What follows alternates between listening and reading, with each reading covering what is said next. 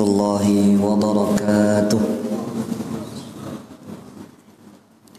الحمد لله رب العالمين والصلاة والسلام على أشرف الأنبياء والمرسلين سيدنا ومولانا محمد صلى الله عليه وسلم وعلى آله وأصحابه ومن تبعهم بإحسان إلى يوم الدين. أما بعد فقال الله تعالى في القرآن الكريم أعوذ بالله السميع العليم من الشيطان الرجيم. يا أيها الذين آمنوا اتقوا الله اتقوا الله حق تقاته ولا تموتن إلا وأنتم مسلمون. وقال تعالى أيضا يا أيها الذين آمنوا اتقوا الله وقولوا قولا سديدا يصلح لكم أعمالكم ويغفر لكم ذنوبكم. ومن يطع الله ورسوله فقد فاز فوزا عظيما أيها الحاضرين والحاضرات Bapak Ibu jamaah kaum muslimin yang berbahagia rahimani wa rahimakumullah Senantiasa hendaknya kita bersyukur hanya kepada Allah Jalla Jalaluh yang hingga detik saat hari ini masih memberikan kita kenikmatan yang begitu banyak kenikmatan di atas keislaman nikmat di atas keimanan dan nikmat diberikan oleh Allah kemudahan-kemudahan bagi kita untuk mengerjakan amal kebaikan. Karena ketahuilah Bapak Ibu tanda Allah menyayangi seorang hamba pastilah seorang hamba itu ditolong. Bahkan seakan-akan dipaksa sama Allah untuk mengerjakan amal-amal kebaikan nyatanya Bapak Ibu di antara semua kaum muslimin tidak semuanya tuh yang ditolong oleh Allah untuk berada di dalam amal solih. Nggak semuanya. Maka Alhamdulillah kitalah salah satu atau di kitalah adalah orang-orang yang dipilih saat ini di masjid yang penuh dengan keberkahan ini berada di dalam amal-amal kebaikan tersebut. Kita memohon kepada Allah Bapak Ibu semoga amal solih ini diterima oleh Allah Subhanahu Wa Taala menjadi pemberat timbangan amal-amal kebaikan kita dan menjadikan gugurlah dosa-dosa kita di antaranya amin Allahumma amin Bapak Ibu yang dimuliakan oleh Allah Subhanahu wa taala, setelah setahun lamanya kita libur. Setahun kayak. Ya, jadi bulan tahunnya sudah sekarang. Bulan lebih kita libur, alhamdulillah kesempatan malam hari yang berbahagia ini Masjid Al-Furqan Kejaksaan Tinggi Jawa Tengah ini Allah taala masih memberikan kesempatan kepada kita untuk duduk bersama, bermajelis ilmu bersama masih membahas lanjutan kitab Riyadus Solihin yang dikarang oleh seorang Al-Imam Al-Hafidh Abu Zakaria Yahya bin Syarif An-Nawawi atau lebih dikenal dengan Imam Nawawi. Baik Bapak Ibu yang dimulakan oleh Allah Subhanahu wa taala, sebelum kita lanjutkan pembahasan kita yang harus kita bahas pada kesempatan ini, kita harus mengerti Bapak Ibu bahwasannya semua hal ya semua hal yang diperoleh semua hal yang didapatkan baik itu berupa kebahagiaan dunia ataupun mungkin kebahagiaan di dalam amal solih ataukah itu sekalipun kesulitan dalam hidup itu adalah pemberian Allah dan bagi orang mukmin yang bertakwa tidak boleh beranggapan sedikit pun kalau diuji sama Allah, ditimpakan musibah sama Allah, itu Allah benci sama kita, belum tentu. Dengan catatan kita betul-betul beriman kepada Allah, terus beramal solih. Kok semakin bertambah amal solihnya Pak Ustadz, kok semakin besar ujiannya? Karena tidak ada pemberian Allah itu yang buruk sejatinya Bapak Ibu. Terutama bagi orang mukmin. Ya, terutama bagi orang mukmin. Karena apa kata Nabi alaihi wasallam ajaban li amril mukmin. Sungguh sangat menakjubkan semua hal, semua perkara yang ditemui didapatkan oleh orang beriman kepada Allah. Semua ajib, menakjubkan. Inna amrahu kullahu lahu khair. Karena sesungguhnya semua hal yang didapatkan oleh orang mukmin baik di sisi Allah. Baik, Pak.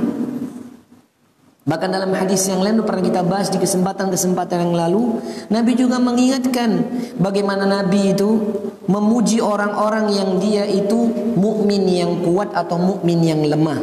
Semuanya berada di dalam kebaikan. Maka Bapak Ibu nggak boleh lu kalau kita ini yang sedang belajar membangun ketaatan mencela pemberian Allah sekalipun itu yang nggak kita sukai.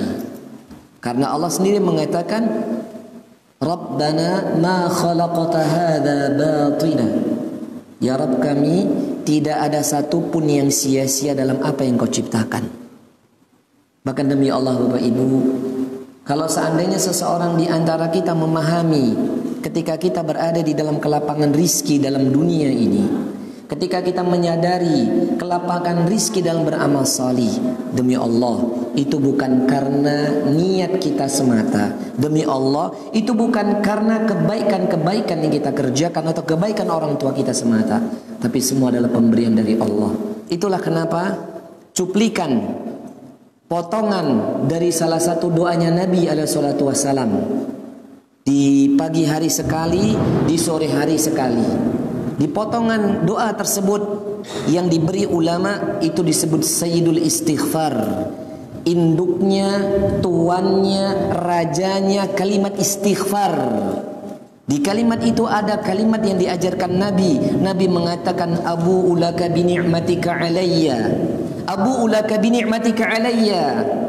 Aku mengakui ya Allah semua kenikmatan-kenikmatan yang kau berikan kepadaku. Artinya Bapak Ibu kelapangan rizki di dunia Kelapangan rizki dalam ibadah Bukan karena kebaikan kita Tapi karena siapa? Allah Wa abu bidambi Orang banyak Bapak Ibu Orang mukmin banyak nih Yakin semua kebaikan dunia dan akhirat ibadah Allah yang kasih. Tapi ada yang kedua orang mukmin gak mengakui wa abu bidambi. Aku menyadari, aku mengakui dosa-dosaku. Maka apabila seseorang di antara kita di, di saat ini, di kesempatan ini mengaku dua hal saja ya Allah, nikmatmu banyak banget ya Allah. Namun aku sering kufur terhadap nikmat tersebut. Ya Allah, aku sungguh ngaku nih dosaku banyak ya Allah. Ini berarti orang yang diberikan pertolongan oleh Allah begitu banyak Bapak Ibu.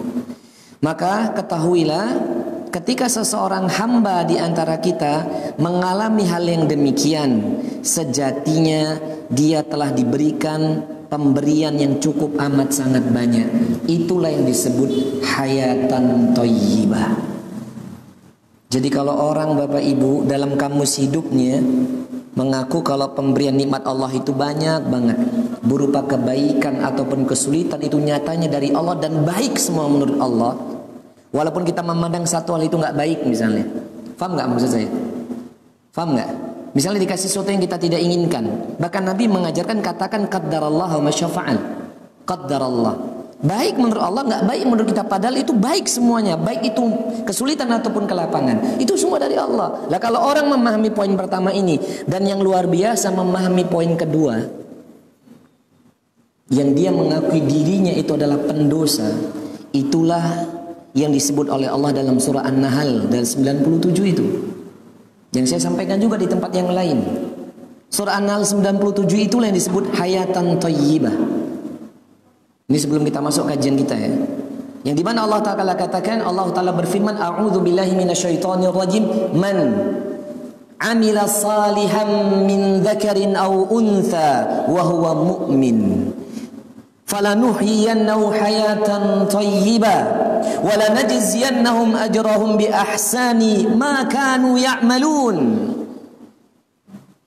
Siapa saja yang dia mengerjakan amal salih wahwa mu'min dzakarin aw untha baik dia laki-laki maupun perempuan wahwa mu'min dan mereka dua-duanya laki perempuan ini beriman kepada Allah. Baik itu laki-laki atau perempuan yang beriman dan beramal salih falanuhiyannahu hayatan thayyibah maka niscaya pasti kami berikan kehidupan yang baik.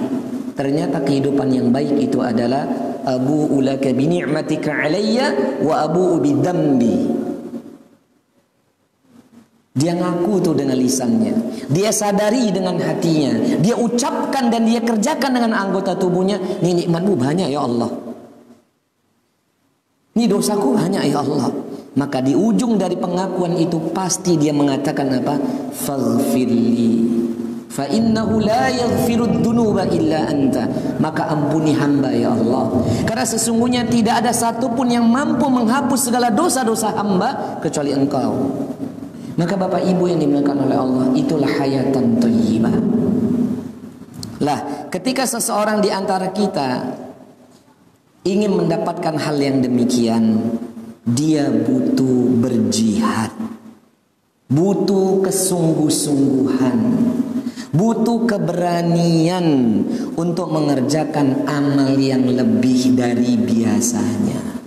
Itulah makna kenapa Al-Imam An-Nawawi di dalam kitab Riyadhus Salihin ini memberi judul di bab yang masih kita bahas Babul Mujahada, bab bermujahada. Walaupun libur setahun nggak lupa ya. Lupa-lupa dikit. Apalagi cuacanya hujan.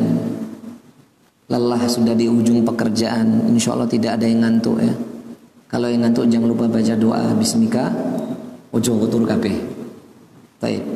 Bapak Ibu yang dimuliakan oleh Allah, kita sudah sampai di pembahasan babul mujahada dan di bab yang terakhir kita sudah membahas yakni hadis yang ke berapa? 11 ya. Terakhir kita telah membahas hadis yang ke-11. Baik, saya akan sedikit ulangi Bapak Ibu. Ya. Hadis ke-10 dan ke-11 ini ada erat kaitannya dengan hadis ke-12 dan hadis berikutnya. Inilah yang saya katakan Bapak Ibu kalau orang betul-betul mempelajari kitab Riyadus Salihin, ini kitab ini luar biasa karena dia sistematik. Hadis satu, nas satu dengan nas yang lainnya itu berhubungan. Inilah kurikulumnya ulama Bapak Ibu. Maka sebaiknya seorang ustadz, seorang dai itu nggak perlu ngarang-ngarang, dan nggak usah ngarang-ngarang lah. Ulama ada buat kitab, dia belajar, dengarkan para ulama atau guru-gurunya menyampaikan, dia renungi lagi pelajaran itu, dia ulang-ulangi, baru dia mungkin amalkan buat dirinya, anggota keluarganya, dan dia sampaikan kepada umat. Jadi kalau para dai itu keluar dari koridornya kitab-kitab ulama, pasti banyak terplesetnya tulisan. Sebenarnya gampang. Kalau seseorang itu berniat ingin menjadi seorang dai, dosa keluar dari koridornya para ulama, kelas selesai. Nah, di hadis yang ke-10 kita diingatkan oleh Al-Imam An-Nawawi kenapa kita harus bersungguh-sungguh dalam amal ibadah.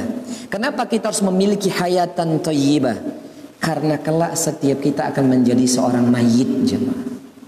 Apa pun gelar Anda, jenengan itu mau gelar doktor, profesor, M, magisternya tuh masternya sampai banyak tetap gelar yang tidak akan mungkin bisa hilang pada setiap manusia atau makhluk hidup calon mayit calon calon mayit. Setiap kita calon mayit enggak?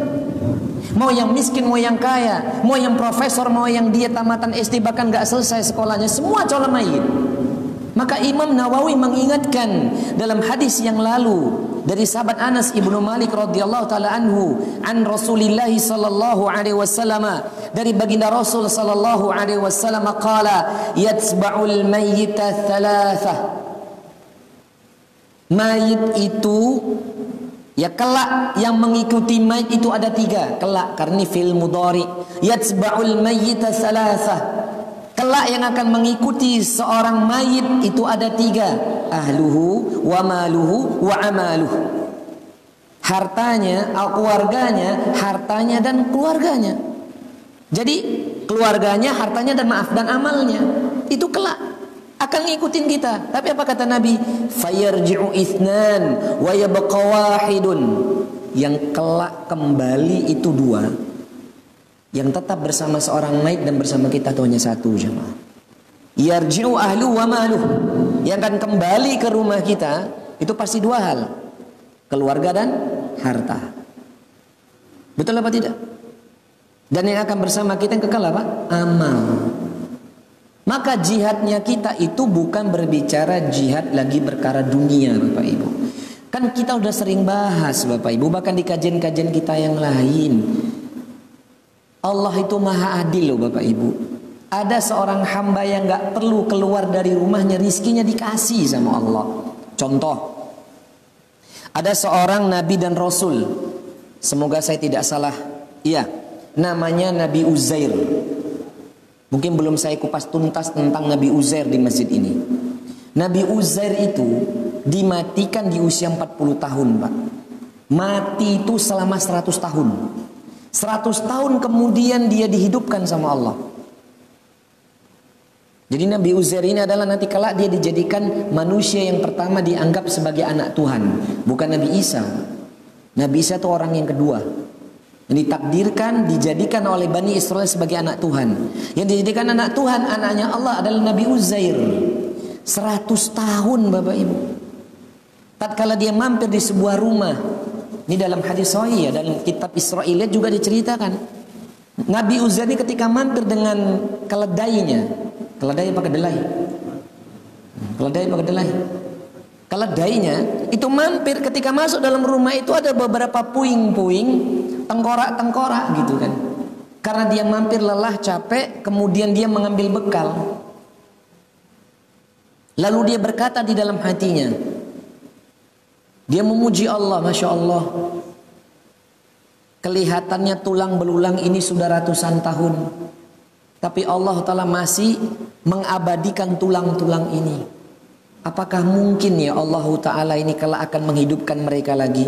Habis ngomong itu loh Pak, dia minum susu, ada kurm, ada dia sebelum uh, dia memerah susu itu, uh, membawa susu dari yang dia simpan, dia bawa roti keras. Jadi sebelum dia mengkonsumsi makan roti keras itu diremuk, dia dimasukin ke susu. Terus dia minum sedikit, setelah itu habis minum sedikit diambil nyawanya sama Allah. Nabi Uzair Pak. Jadi sebelum dia mati, rizkinya dikasih dulu tuh sama Allah. 100 tahun kemudian dihidupkan kembali dia. Baru dengar ya Pak Bu ya? Baru dengar nji. Itu kalau nggak ngaji buat ngertos nih. Dan ini ada dalam kitab-kitab sirah nabawiyah para ulama. Dan ini cerita sahih bukan mengada-ngada. Nabi Uzair. Maka coba lihat 100 tahun apakah kemudian Allah Ta'ala tidak akan memberikan dia rizki Dikasih rizki Nabi Uzair Kenapa? Jasadnya utuh Sedangkan keledai dia Keledai apa keledai? Keledai dia Dan makanan sisa roti itu Sisa roti yang remuk itu masih ada Susunya sudah mengering Keledainya tinggal tulang belulang Lalu kemudian dia bangun Dan dia terkaget Dia kira dia tidur hanya satu malam atau dua malam Lalu dia keluar dari rumah itu dia melihat keledai ini sudah tinggal tulang belulang. Lalu kemudian dia memuji Allah Masya Allah. Kalau ternyata Allah telah memberikan apa ya menunjukkan kekuasaannya kepadaku. Sepertinya aku sudah tertidur cukup lama sehingga tulang belulang ini keledainya menjadi tulang belulang. Lalu dia memohon kepada Allah akhirnya tulang tulang belulangnya keledai itu disusun rapi oleh Allah kemudian dibungkus dengan yakni daging-daging di kulit jadi keledai itu hidup di depan matanya Uzair alaihissalatu wassalam itu rizki Pak. artinya apa yang dikhawatirkan orang mukmin setiap panjenengan itu keluar rumah niatnya baik tawakal sama Allah dunianya dikasih Allah maha tahu Pak Solahuddin tuh ngelak di KI minum tuh disiapkan ini Allah Maha tahu nih, saya haus ini. Eh, alhamdulillah ada minuman. Sudah dibuka lagi nih, rizki nih. Dan saya kita nggak tahu loh Pak, keluar dari masjid nanti habis sholat isya sudah ada rizki yang menunggu kita. Yakin enggak? Yakin apa tidak? Nah, makanya Bapak Ibu harusnya fokusnya seorang mukmin itu bukan kepada perkara dunia, tapi perkara hal-hal yang akan dia temui ketika dia mati menjemput dirinya. Begitu juga ketika di hadis ke-11 Nabi mengingatkan kepada kita dari sahabat Abdullah ibnu Mas'ud ini pelajaran yang lalu setahun yang lalu ya ketika Nabi SAW mengatakan al jannatu aqrabu ila ahadikum min syiraki min syiraki na'lih Surga Allah amat sangat dekat dengan seseorang di antara kalian dibandingkan tali sandalnya. Wan naru mithlu neraka juga sama. Udah kita bahas itu kemarin. Jadi surga dan neraka itu dekat dengan kita daripada tali sandal itu menunjukkan apa Pak? Sebenarnya tali sandal ini maksud kata para ulama itu hanya kinayah, adalah fasilitas, adalah media, adalah kendaraan yang digunakan oleh seorang manusia dalam menjemput takdirnya surga atau neraka, menjadi golongan kanan atau menjadi golongan kiri, menjadi ashabul yamin atau ashabul shimal. Ya sendal, sendal itu hanya perumpamaan. Ya termasuk itu kendaraan, rumah, fasilitas yang diberikan oleh Allah itu hanyalah kendaraan. Tapi yang menentukan seorang itu masuk surga atau masuk neraka itu sesuatu di dalam hatinya. yakni keimanannya atau kesyirikannya kepada Allah. Amalnya yang baik atau yang buruk. Itu kita bahas.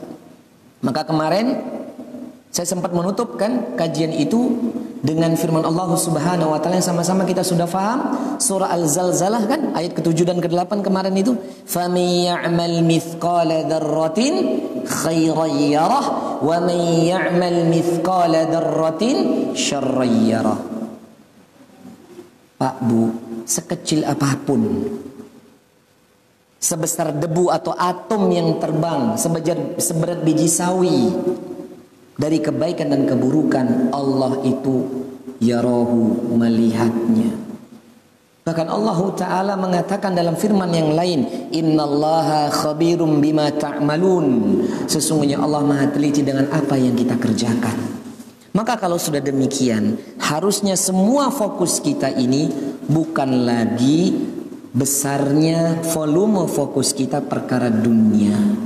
Dosa khawatir Pak Bu. Karena semua yang akan kita yang kita dapatkan hari ini itu akan kita tinggalkan kok. Pasti itu. Taib. Berikut ini adalah hadis ke 12. Ats-tsaniyah asyara. Hadis ke 12. Yang ada kaitannya hadis ke-10, hadis ke-11, bahkan hadis-hadis berikut sebelumnya. Kali ini Imam Nawawi rahimallahu taala menukil satu kisah Allah Ta'ala menakdirkan Allah Ta'ala memilih di antara sahabat-sahabat Nabi alaihi salatu wassalam yang Allah Ta'ala ridho sama mereka dan mereka amat sangat ridho dengan Allah. Allah memilih beberapa orang sahabat yang dengan amal mereka sedikit di pandangan manusia tapi sangat berat timbangannya di sisi Allah amat sedikit di pandangan manusia tapi sangat berat timbangannya di sisi Allah. Karena kalau mereka sahabat ini dibandingkan sahabat-sahabat yang lainnya gak ada apa-apanya Bapak Ibu. Dia bukan sahabat yang terkenal. Apalagi memiliki dunia seperti sahabat-sahabat Ansor. Dia adalah sahabat yang dikategorikan ahlus sufah yang mereka tinggalnya di Masjid Nabawi. Yang beliau ini radhiyallahu taala adalah sahabat tinggalnya di Masjid Nabawi. Dialah yang disebut oleh Al-Imam An-Nawawi atau ulama lu hadis disebut Abi Firashin Rabi'ah bin Ka'ab Al-Aslami Al-Ansari radhiyallahu taala anhu. Dia namanya Abu Firash Abu Firas. Bukan Firash kalau Firas itu kasur sama dengan sarirun. Kalau bilang Ingat-ingat Firosh itu ingat pulang nanti di rumah ya. Abu Firasin namanya Rabi'ah Ibnul Ka'ab Al-Aslami Al-Ansari. Dia adalah sahabat Ansor Bapak Ibu. Yang masuk Islam di awal-awal ketika Nabi datang ke masjid, ke masjid maaf, datang ke Yathrib. Yathrib itu nama sebelumnya kota Madinah. Nah, Allah Ta'ala memilih dia sebagai apa? Khadimi Rasulullah khadimi Rasulullah sallallahu alaihi wasallam. Allah telah memilih Ka'ab ini, maaf Rabi'ah bin Ka'ab ini menjadi pelayannya Nabi. Padahal Nabi itu udah punya pelayan sebelumnya. Pertama, pelayan Nabi yang kelak nanti diangkat menjadi anak angkat namanya Zaid bin Haritha. Dialah nanti yang menemani Nabi alaihi wasallam sampai ke Taif. Namanya Zaid bin Haritha. Yang kedua, yakni Anas ibnu Malik yang lebih famous, lebih terkenal dibandingkan Robi'ah. Namun Allah telah memilih ini Robi'ah. Setelah Zaid bin Harisa, Anas ibnu Malik, kemudian Ra, Rabi'ah. Lah, wa min ahli sufati radhiyallahu ta'ala dia termasuk ahli sufa. Dia berkata, "Kuntu abitu ma'a Rasulillah sallallahu alaihi wasallam fa'atihi biwudu'ihi wa hajatihi." Katanya si Arabiah, dia cerita nih, aku itu punya kebiasaan tatkala bersama Nabi di rumahnya selalu menyiapkan keperluan Nabi dalam perkara wudhu dan hal-hal yang lain. Jadi gantian ini Pak. Selain Anas ibnu Malik, Zaid bin Haritha, karena Zaid bin Haritha ini nanti kelak nanti sampai nanti ada satu ayat turun saking sayangnya Nabi sama Zaid, Zaid bin Haritha itu nanti diangkat menjadi anak angkat. Maka pernah Zaid bin Haritha itu diganti namanya Zaid bin Muhammad. Turun ayat nggak boleh. Gak boleh mengangkat anak, mengangkat seorang anak yang bukan darah dagingnya atau keturunan aslinya diberikan nama ayah angkatnya di belakangnya. Binnya gak boleh. Nanti itu kasusnya Zaid bin Harisa. Lah kemudian setelah Anas Kaab, eh setelah Anas Robi'ah. Lah si Robi'ah ini luar biasa pak. Karena dia itu melayani kebutuhan Nabi, Allahu Ta'ala menghargai karena kalau dibandingkan Robi'ah dengan Anas, nggak ada apa-apanya, Pak. Apalagi dibandingkan Zaid bin Harisa, jauh Robi'ah. Zaid bin Harisa ini dari awal masuk Islam. Bahkan terjadi perdebatan di antara ulama ahli sirah. Apakah Abu Bakar yang pertama masuk Islam ataukah Zaid bin Harisa yang masuk Islam? Karena nyatanya memang di rumah Nabi itu hanya dua tiga orang jamaah. Nabi, Ummul Mukminin Khadijah, satu lagi orang luarnya adalah Zaid bin Harisa selain anak-anaknya Nabi. Maka sebagian ulama mengatakan yang pertama masuk Islam dari kalangan sahabat ada yang mengatakan bukan Abu Bakar As-Siddiq tapi adalah Zaid bin Harisa karena di rumahnya Nabi. Faham Bapak Ibu? Di sini ngertos sama buatan? Mudeng apa mubeng-mubeng? Bicara apa toh Pak Bu? Tentang sahabat. Ini biar kita tambah ini wawasannya. Jadi biar nggak hafal aja nanti Ronaldo pindah ke mana gitu ya. Jadi nggak hafalannya artis-artis. Di rumah artis itu kebanjiran, ngerti. Sahabat nggak ngerti gitu ya. Taib. Paham ini ya? Nah, Robiah ini Masya Allah Pak. Tiba-tiba Allah Ta'ala menakdirkan dia jadi pembantu atau pelayan Nabi. Kemudian pelayanannya terbaik. Dan kalau dihitung-hitung amal dia sama sahabat yang lain, jauh. Tapi Allah Ta'ala maha tahu keikhlasan dan amalnya Robiah. Sampai turun Jibril alaihi salatu wassalam. Teng Muhammad panggil Robiah. Sampaikan sama dia. Minta apa yang dia inginkan. Dipanggil Robiah. Apa kata Nabi alaihi salatu wassalam? Ya Robiah, salni. Mintalah kepada Tuh Pak. Enggak semua sahabat Bapak Ibu. Yang dipanggil Nabi, kau minta apa yang kau inginkan. Enggak. Yang ada kalau kita temu hadis-hadis itu ada sahabat yang datang minta tolong sama Nabi. Tapi ini enggak berbeda Robiah. Kau minta apa mintalah. Kemudian terdiamlah Robiah Al-Ansari Al-Aslami Kemudian dia berkata kepada Nabi Fakultu lalu aku meminta kepada Nabi As'aluka murafakataka fil jannah Ya Nabi Aku hanya minta Agar aku bisa menemani engkau di syurga Kemudian Nabi terdiam dan Nabi mengatakan au ghairu dzalik au ghaira dzalik ada hal yang lain enggak? Huwa dzak. Hanya itu aja ya Nabi. Coba Pak. Dia enggak minta dunia sama Allah. Dia enggak minta dunia sama Nabi. Padahal dia itu seorang ahlu sufa. Enggak punya harta, Pak, enggak punya rumah. Kadang aja enggak makan. Nabi itu sering enggak makan, apalagi Robiah. Kalau orang itu numpang di rumah Nabi mungkin supaya dapat makanan, tapi Robiah nggak dapat apa-apa di rumah Nabi karena Nabi hampir setiap hari puasa, Pak. Kan kita tahu, Pak, Nabi kalau pulang dari Masjid Nabawi sampai itu matahari sudah agak tinggi waktu duha, pulang ke rumah tanya sama salah satu rumah istrinya, "Ada makanan nggak hari ini, sayang?" Gak ada wahai Rasulullah. Ya udahlah aku puasa sunnah. Ya udah aku puasa. Ini jadi dalil puasa sunnah nggak harus berniat di malam hari. Paham ya? Artinya apa yang diharapkan Robiah? Dunia, makanan nggak dapat. Tapi ketika Nabi meminta sama dia, minta apa yang kau inginkan? Aku hanya minta kepada engkau wahai Nabi agar aku bisa menemani engkau di surganya Allah. Tanya sama diri kita Bapak Ibu. Dari semua doa-doa yang kita pinta sama Allah hingga detik ini, lebih banyak urusan dunia atau meminta surganya Allah? Lebih banyak kita meminta dunia dibandingkan kita bersama Nabi alaihi salatu wasallam. Padahal luar biasa loh Pak sahabat Al-Sufa. Padahal kalau dia minta itu sama Nabi ya Nabi, angkatlah derajatku dari dari fakir menjadi miskin aja seperti Abi Darda, punya rumah, punya pasangan walaupun makanan tuh sehari sekali habis. Tapi dia nggak minta itu Bapak Ibu. Dia tahu dunia ini fana. Dia tahu dunia ini hanyalah fitnah bagi dirinya. Maka dia hanya minta Nabi alaihi salatu wassalam. Lalu Nabi pun terdiam alaihi wassalam dan berkata dan memohon meminta tolong nih sama Rabi'ah. Fa'inni ala nafsika bikathrati sujud. Rawahul Muslim. Rabi'ah, sungguh bantu aku. Tolong aku agar engkau memperbanyak sujud ya. Coba Pak. Bu. Nabi minta tolong. Ini jadi dalil Bapak Ibu. Para ulama ahlu sunnah menjelaskan Nabi itu tidak punya hak. Nabi itu tidak punya hak untuk menentukan surga Allah bagi siapa yang digendaki Nabi. Sampai ketika Robi'ah minta surga saja Nabi mengatakan tolong aku bantu aku Agar engkau memperbanyak sujud.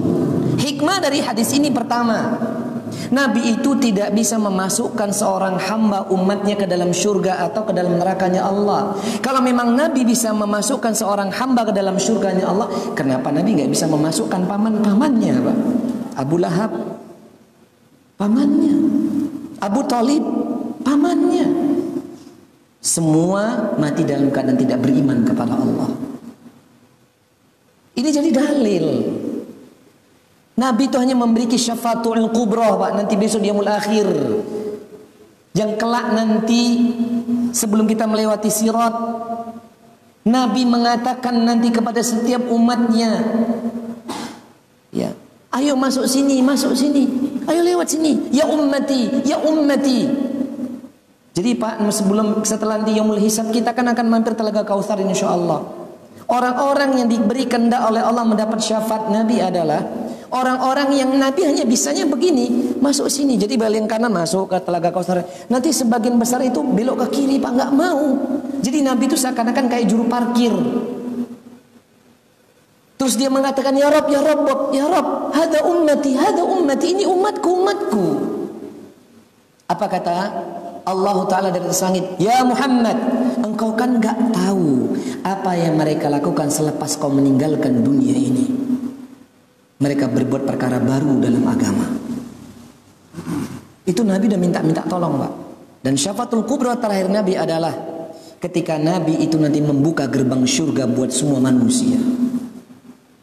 Nabi nggak bisa menentukan siapa yang masuk surga dan neraka, Bapak Ibu. Ini satu dalil. Yang kedua hikmahnya Bapak Ibu, kita jadi faham kalau seseorang itu mau masuk surga, yang dia tidak memiliki harta lebih dari cukup atau bahkan dia miskin. Kita masih punya satu hal Bapak Ibu. Banyakin sholat. Maka jangan sepelekan Pak. Amaliyah yang dikerjakan Nabi atau sahabat Sayyidina Abu Bakar As-Siddiq. Sebelum tidur tuh witir Bapak Ibu. Abu Bakar adalah salah satu sahabat yang tidak pernah meninggalkan sholat witir sebelum tidur Beda dengan Umar ibn al-Khattab. Umar ibn al-Khattab seorang sahabat yang memang diberi kekuatan, dia nggak pernah hampir tidak pernah meninggalkan qiyamul lail walaupun dia tidur lebih awal. Bahkan ketika Sayyidina Umar ibn al-Khattab menjadi khalifah atau amirul mukminin, Umar ibn al-Khattab itu hampir-hampir nggak pernah tidur malam Bapak Ibu. Karena habis isak dia keluar nengoki umatnya. Setelah tengah malam dia sholat, seperti malam dia sholat, Baru dia tertidur capeknya sampai menjelang subuh. Ya kita siapa Pak? Sahabat bukan. Punya ilmu sangat sedikit. Amal kita belum tentu diterima. Sedangkan dosa kita ini terus menggunung tinggi bertambah, bertambah dan bertambah. Terus mau masuk surga dengan amal yang mana? Yang gratis dan yang mudah? Salat sunnah bukan? Betul? Betul nggak Bapak Ibu? Kenapa kita tidak melakukan hal yang demikian? Bahkan Bapak Ibu yang dimulakan oleh Allah Subhanahu wa taala. Kenapa di sini Al-Imam Nawawi menukil kisahnya Rabi'ah karena ciri-ciri orang yang berjihad kepada Allah dia pintar melihat peluang sejatinya Bapak Ibu. Dia pintar melihat peluang. Kalau peluangnya diberi rizki lebih dari dunia, Maka bukan hanya dia memperbanyak sholat, tapi harta yang dititipkan oleh Allah bagaimana ini bisa nafi, bisa bermanfaat, bisa menjadi amal jariah. Bukan amal dihabiskan, dinikmati kemudian entah ke mana. Demi Allah Pak, berapa banyak makanan yang masuk ke dalam mulut kita bersarang di lambung kita. Kemudian terbuang sia-sia menjadi kotoran. Betul nggak? Nyun sewu. Betul? Betapa banyak pakaian yang kita beli, kemudian usang rusak, kemudian tinggal sudah. Betapa banyak semua pemberian Allah kemudian tidak ada yang abadi fana semuanya. Apakah hanya seperti itu aja yang kita kejar? Coba kalau misalnya pemberian Allah ini kita arahkan kepada sesuatu yang abadi. Makanya saya doakan ya Bapak Ibu, bagi yang belum pernah ke tanah suci semua dikabulkan berangkat segera ke tanah suci. Bagi yang sudah berangkat segera berangkat kembali. Ketika di sana Pak, Ingat. Harta yang dititipkan Allah Belanjakanlah buat Allah. Kembalinya lebih banyak Pak. Kalau hanya karena mengeluarkan uang 2M atau 1 miliar Itu uang semua itu. Dengan apa dia memberangkatkan anggota keluarganya Memberangkatkan si fulan, si fulan ke tanah suci? Hitunglah oke okay sampai 2 miliar dia memberangkatkan anggota keluarganya Balasannya adalah ampunan dari segala dosa-dosanya. Setelah itu Allah telah memasukkan dia ke dalam surga. Karena habis itu mungkin dipanggil nyawanya. 2M dibandingkan ampunan Allah dan surga Allah kecil nggak itu? Hmm? Kecil banget Bapak Ibu. Tapi kita ini manusia masih ngitung-ngitung kalau perkara itu.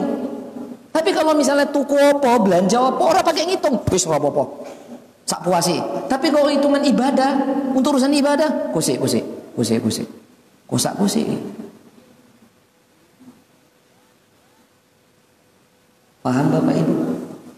Kalau anda besok diberi rizki sama Allah, ndak usah daftar haji reguler, daftar haji furoda, daftar sekarang langsung berangkat. Kenapa nggak mau berani mengeluarkan duit?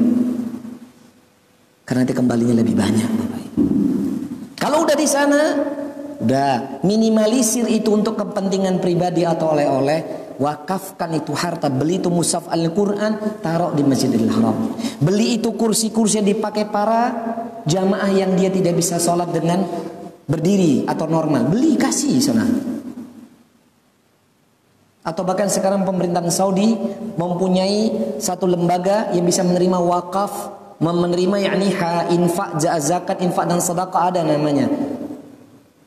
Di sana sudah ada jadi nggak disiapkan. Nanti bisa kalau anda mau infakkan tolong ini sampaikan ya Syekh. Saya beli karpet sekian puluh karpet untuk Masjidil Haram. Ini fulusnya. Tolong sampaikan dibantu nanti. Tuh coba apa? Kalau kita beli karpet di Masjidil Haram kita titipkan sama lembaga ini. Sekian ratus ribu bahkan jutaan orang sholat pak di karpet yang kita beli. Kita atas namakan orang tua kita. Kira-kira kita bejo nggak dan itu yang akan menemani kita nanti di dalam kubur, Bapak Ibu. Tapi kenapa kita lebih memilih kepentingan-kepentingan yang tidak ada manfaatnya? Maka di sini Bapak Ibu yang dimakan oleh Allah, orang-orang yang dia yakin dengan amal-amal yang dikatakan Nabi kepada sahabat-sahabat kemudian mengerjakannya, itu adalah seperti firman Allah Subhanahu wa taala dalam surah An-Nisa ayat 69 Bapak Ibu. An-Nisa ayat 69 dan inilah yang diucapkan Nabi sebelum Nabi meninggalkan dunia ini. Jadi Nabi Bapak Ibu, Nabi SAW Nabi kita tercinta ketika sesaat berapa detik itu akan meninggalkan dunia ini wafat meninggalkan dunia yang fana ini dia akan meminta dua hal. Pertama melihat Abdullah bin, bin, bin Abi Bakar. Abdullah bin, bin Abi Bakar itu memegang siwak. Kemudian Ibunda Aisyah melihat, "Ya Rasul, apa kamu ingin siwak?" Nabi Muhammad kemudian milih siwak kemudian nggak kuat. Kemudian Nabi Alaihissalam meminta air. Ya meminta air satu mangkok satu wadah. Kemudian Nabi dihantarkan air dimasukkan tangan Nabi ke dalam air ke mangkok itu. Kemudian Nabi membasuh wajahnya. Setelah itu Nabi menunjukkan tangannya ke atas langit.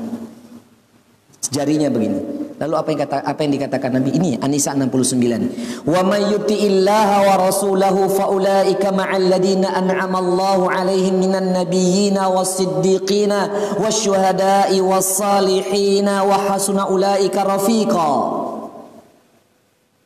Jadi Nabi mengatakan kalimat terakhirnya apa? Ma'alladina an'amallah.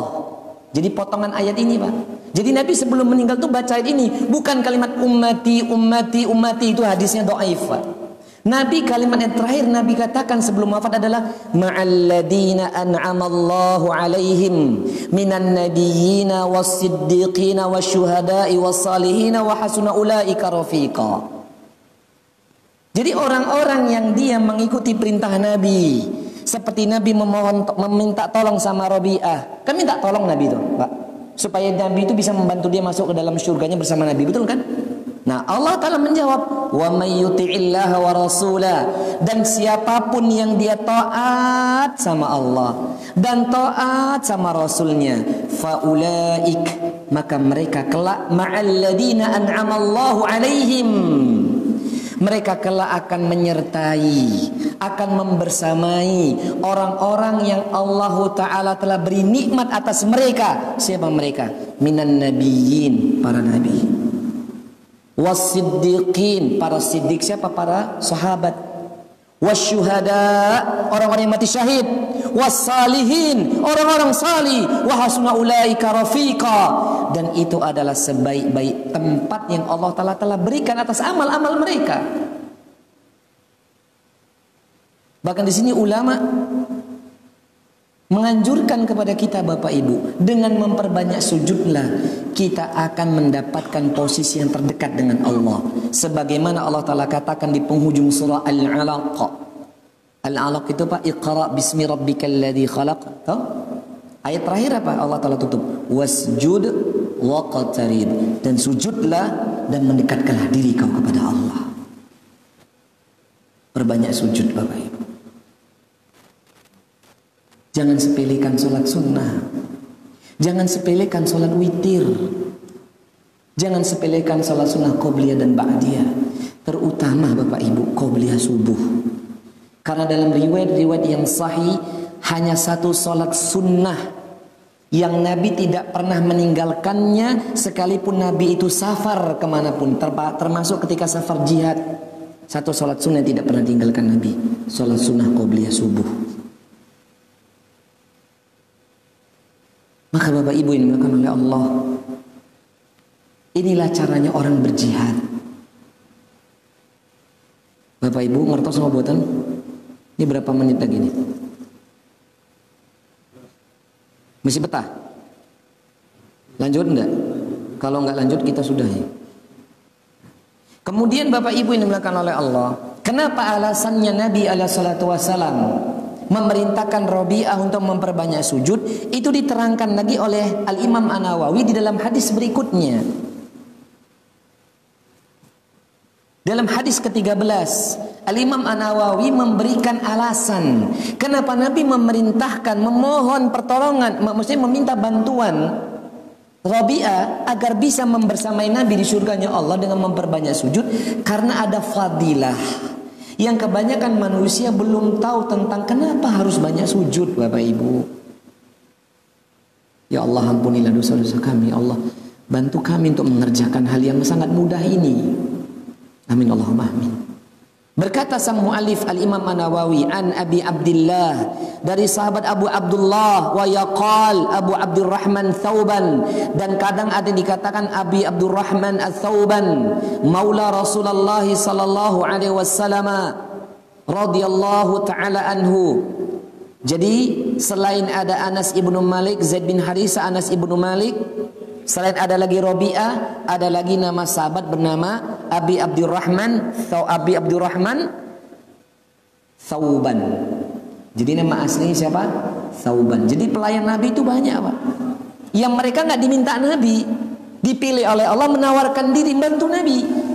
Nah, dia berkata, "Sami'tu Rasulullah sallallahu alaihi wasallam yaqul." Aku pernah mendengar Rasul sallallahu alaihi wasallam bersabda, Beda pak. Sauban ini dengan Robiah beda. Robiah pernah Nabi mengatakan minta sama aku. Sauban enggak? Ya semua sahabat ini memiliki keistimewaan masing-masing bapak ibu. Dan mereka mulia di sisi Allah. Betul kita yakin itu? Ya. Apa kata Sauban? Aku pernah mendengar Nabi SAW bersabda. Apa kata Nabi Bapak Ibu? Alaika bi sujud. Eh Sauban. Perbanyak sujud ya. Kamu perbanyak sujud. Kenapa? Fa innaka lan tasjuda lillahi sajdatan illa rafaka Allah illa rafaka Allahu biha darajatan. Eh, sauban banyak sujudnya karena sesungguhnya tidaklah satu sujud yang kau kerjakan hanya mengharapkan wajah Allah melainkan rafaka Allahu biha darajatan satu derajat dinaikkan oleh Allah buat kamu dan dengannya rontoklah satu dosa karenanya. Coba Pak.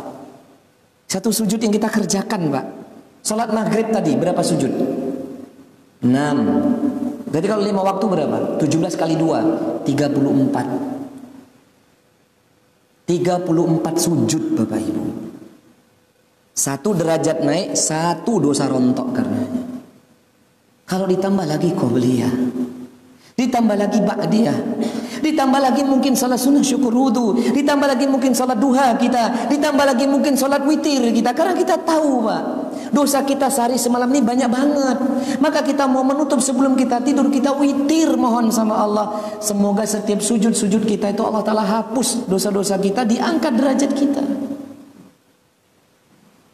Maka itulah yang dikatakan Nabi kepada sahabat Thauban. Thauban alaika bikathrati sujud banyak sujud dia fa innaka lan tasjuda lillahi sajdatan ila rafaka Allah bi darajatan. Saya ulangi.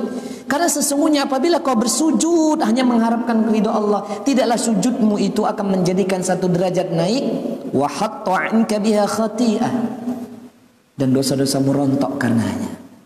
Masya Allah Bapak Ibu. Masa udah dikasih motivasi begini oleh ulama dan dimotivasi oleh Allah dan Nabi-Nya, kita nggak mengambil kesempatan. Ustadz, saya kan nggak tahu Pak Ustadz, apakah itu diterima? Justru kita nggak tahu diterima atau tidaknya amal kita tetap dikerjakan. Paham Bapak Ibu? Ngertos sama buatan? Jangan kemudian ketika udah dikasih motivasi gini, santuy aja hidupnya. Enggak gue, gue urusan gue Pak Ustadz. Lu, lu, gue, gue. Ya, Kalau udah lu, gue, lu, gue, ya wis, lu, lu ya. Gue, gue kan gitu. Dan Allah Ta'ala tidak pernah memaksakan sebagaimana Allah Ta'ala katakan la ikraha fid din. Allah nggak pernah maksa kok.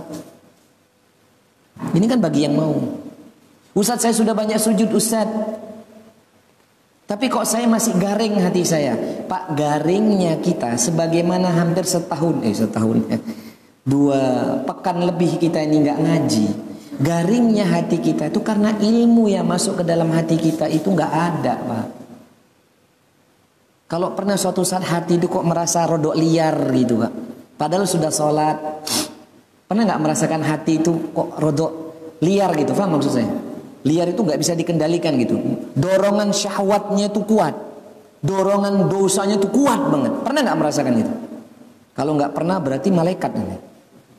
Hmm? Pernah atau sering? Hmm? Sering wis ngaku lah wis. Sering apa buatan? Ya sering wis. Selamat paling selamat sering ya Allah sering kami ya Allah sering. Hmm. Ngaku aja pak. Kalau nggak ngaku berarti sombong. Kenapa pak? Karena minimnya ilmu yang masuk sedikitnya asupan hati berupa ilmu yang melahirkan iman. Kalau hati itu kosong dengan ilmu, imannya yang sama, maka yang mendominasi adalah surah uh, Yusuf ayat ke-50 ya, awal juz 13 Inna nafsa la ammaratun bisu. Sesungguhnya nafsu itu selalu mendorong kepada keburukan. Jadi kalau ilmu itu kurang, asupan iman itu sedikit, maka yang akan mendominasi hati kita pasti adalah syahwat. Liar hatinya, pikiran yang ngeres. Bahkan punya planning nanti kalau saya nak astagfirullah astagfirullah ya Allah lindungi kami. Nanti saya mau tanggal sekian mau maksiat jam sekian. Ini harus di planning tok. Ini piye caranya gen orang ngerti orang di maksiat itu sudah tersusun rapi itu setan itu. Setan ini membantu karena nafsunya membara. Kenapa nafsu itu liar? Karena tidak ada pengikat dan pengendalinya, yakni iman berupa ilmu sumbernya. Bapak Ibu ini makan oleh Allah. Terasa nggak kalau ngaji udah lama gitu nggak masuk nasihat? Terasa nggak? Hmm? Ustaz saya udah banyak sujud tapi kok masih begini? Ya karena ilmunya Bapak Ibu. Karena amal itu butuh ilmu. Ilmu pasti beramal. Maka Bapak Ibu yang dimuliakan oleh Allah, di kesempatan pada kesempatan ini udah masuk belum? Belum ya? Tinggal tiga menit. Maka Bapak Ibu yang dimuliakan oleh Allah, kita dapat hadiah lama nih sama Allah. Ya. Kalau perlu sampai jam 10 malam, jangan doer saya. Ya. Maka Bapak Ibu yang dimuliakan oleh Allah, di kesempatan yang luar biasa ini, kemudian Al-Imam An-Nawawi melanjutkan hadis yang ke-14. Sudah didorong kita ingin untuk mencontoh Robiah. Robiah memintanya hanya Allah. Memintanya hanya menemani Rasul di surga. Harusnya itu yang kita minta dalam doa kita Pak. Dan saya sarankan ya Pak di antara waktu mustajab nanti antara azan dan iqamah dan waktu hujan. Doanya Pak dalam setiap sujud kita atau doa kita Pak. Ya Allah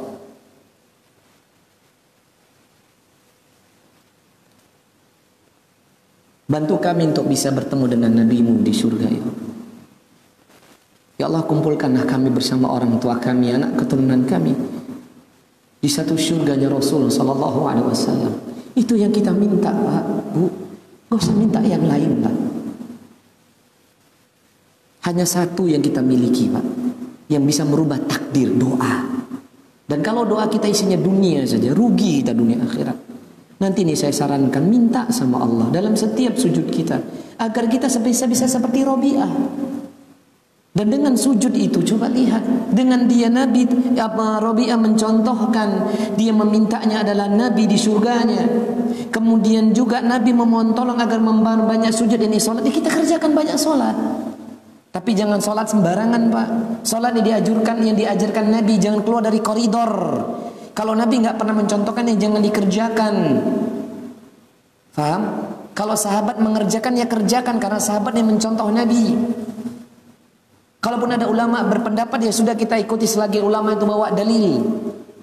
Kalau ulama keluar dari dalil nggak usah dikerjakan pasti banyak kelirunya. Yang terakhir Bapak Ibu, selain nanti memperbanyak sujud dan sholat, Bukan hanya kita tadi memohon bertemu sama Nabi Wasallam akan naik derajat kita, hilang dosa-dosa kita. Dan itulah bukti sebagaimana hadis ke-14 ini saya tutup. An Abi Sofwan Abdullah bin Bushrin bin Busrin Al-Aslami radhiyallahu taala anhu. Dari sahabat Abu Sofwan Abdullah bin Busrin Al-Aslami ridha Allah taala atasnya. Qala dia berkata Qala Rasulullah sallallahu alaihi wasallam bersabdalah baginda Rasul sallallahu alaihi wasallam. Walaupun dalam hadis yang lainnya Nabi itu didatangi dulu oleh orang sahabat ya Rasulullah man khairun nas? Siapakah manusia yang terbaik itu ya Rasulullah? Apa jawaban Nabi? Khairun nasi man tala umurahu wa hasun amalahu. Manusia yang baik itu adalah yang dia dipanjangkan usianya sama Allah lalu baik amalnya jadi Bapak Ibu sebelum azan saya minta satu menit atau dua menit ya Pak ya. Kita kan habis maghrib tadi kan nambah usia nih. Berarti kalau udah masuk maghrib kan berarti nambah usia. Kalau udah nambah usia kita berarti jatah hidup kita mulai berkurang satu hari. Tersisa berapa hari ke depan Bapak Ibu sebelum kita mati. Isilah dengan amal kebaikan. Orang yang baik itu dikasih usia panjang, namun dia manfaatkan usia itu dengan sebaik-baiknya. Mas-mas yang masih muda, jangan punya prinsip muda foya-foya, mati masuk surga. Lah dari mana jalurnya? Mumpung karena jenengan anda itu masih muda, manfaatkanlah itu usia dengan sebaik mungkin. Sebelum nanti kalau udah tua, terbatas semuanya. Maka Bapak Ibu, kemudian Nabi pun ditanya, ya Nabi, Siapakah seburuk-buruk manusia? Nabi mengatakan wa syarrakum man tala umurahu wa sa'amalahu. Yang sebut dikatakan seburuk-buruk manusia adalah yang panjang usianya namun buruk amalnya. Isilah usia kita ini dengan banyak doa dan banyak sujud kepada Allah. Diikat dengan mentauhidkannya. Demikian Bapak Ibu, karena waktu azan Isya telah datang, Semoga bermanfaat pertemuan kita yang pertama di tahun 2020 Semoga Allah Ta'ala tolong kita tiga bulan ke depan karena besok Ramadan kita sudah berhenti. Ini tiga bulan tersisa lagi lupa. Habis kita libur panjang lagi. Ya, semoga Allah Ta'ala tolong kita. Amin Allahumma amin. Kafaratul majlis subhanakallah.